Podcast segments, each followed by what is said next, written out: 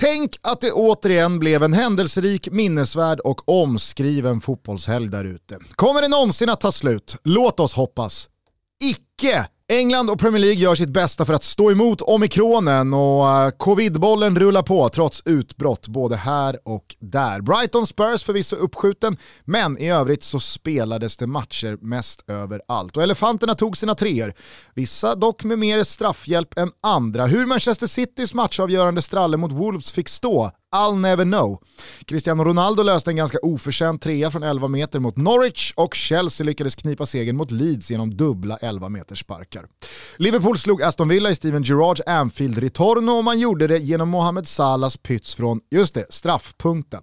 West Ham tappade poäng mot Burnley, Leicester pulveriserade skatorna, Arsenal klev över Soton med tre bollar och Crystal Palace sköt Rafa Benitez ett par steg närmare arbetsförmedlingen. Eller savannen, hämtar sig spanjoren från detta? Ah, jag är skeptisk. Till Italien, där Inter för första gången toppar tabellen den här säsongen i ensamt majestät. Vem hade trott det för bara några veckor sedan när Nerazzurri hade både Milan och Napoli mer än tvåsiffrigt antal poäng framför sig. 4-0 mot Cagliari igår, stor show av såväl Hakan Çalhanoğlu, Lautaro Martinez, Nicolo Barella och Alessio Cranio. Men hallå, är inte det keepern i Cagliari? Jo, och det vittnar kanske lite om hur matchen på Giuseppe Meazza såg ut. Och blåsvart verkar vara färgerna för dagen, för trots ett blytungt uttåg ur Champions League mot Villarreal i torsdags så studsade Atalanta tillbaka borta mot Hellas, tog sin sjätte raka ligaseger och känns i dagsläget som Inters tydligaste scudetto-utmanare. Juventus fick Dybala skadad när två poäng tappades mot Venezia, Milan fick med sig samma utfall borta mot Udinese efter Zlatans sena kvittering och Sassarna slog Lazio efter vändning underläge 0-1 till seger 2-1. Sampen tog en blytung derbyseger i Lanternan mot Genoa, men hej, Chevas sorgliga gäng gjorde i alla fall mål. Kimpen, fanfar!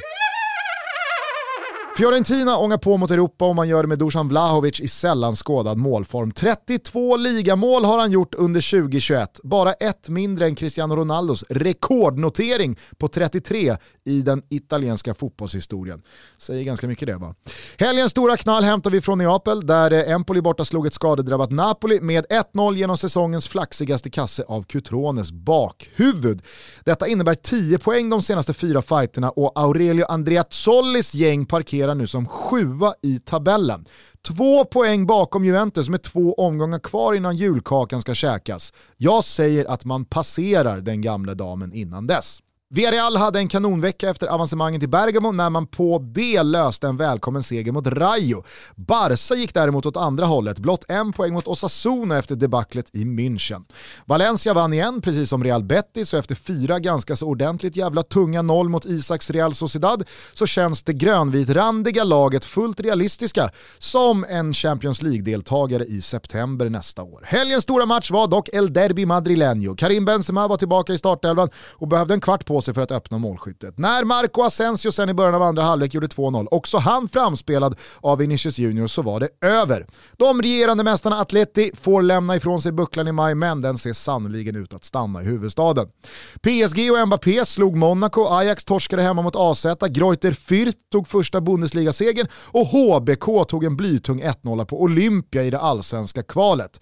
Och så noterar vi att världens mest italienska tysk, Domenico Tedesco, fick en flygande flygande start som tränare för Leipzig i och med 4-1 hemma mot Gladbach, som nu släppt in 14 mål de tre senaste matcherna. Bra Gladbach!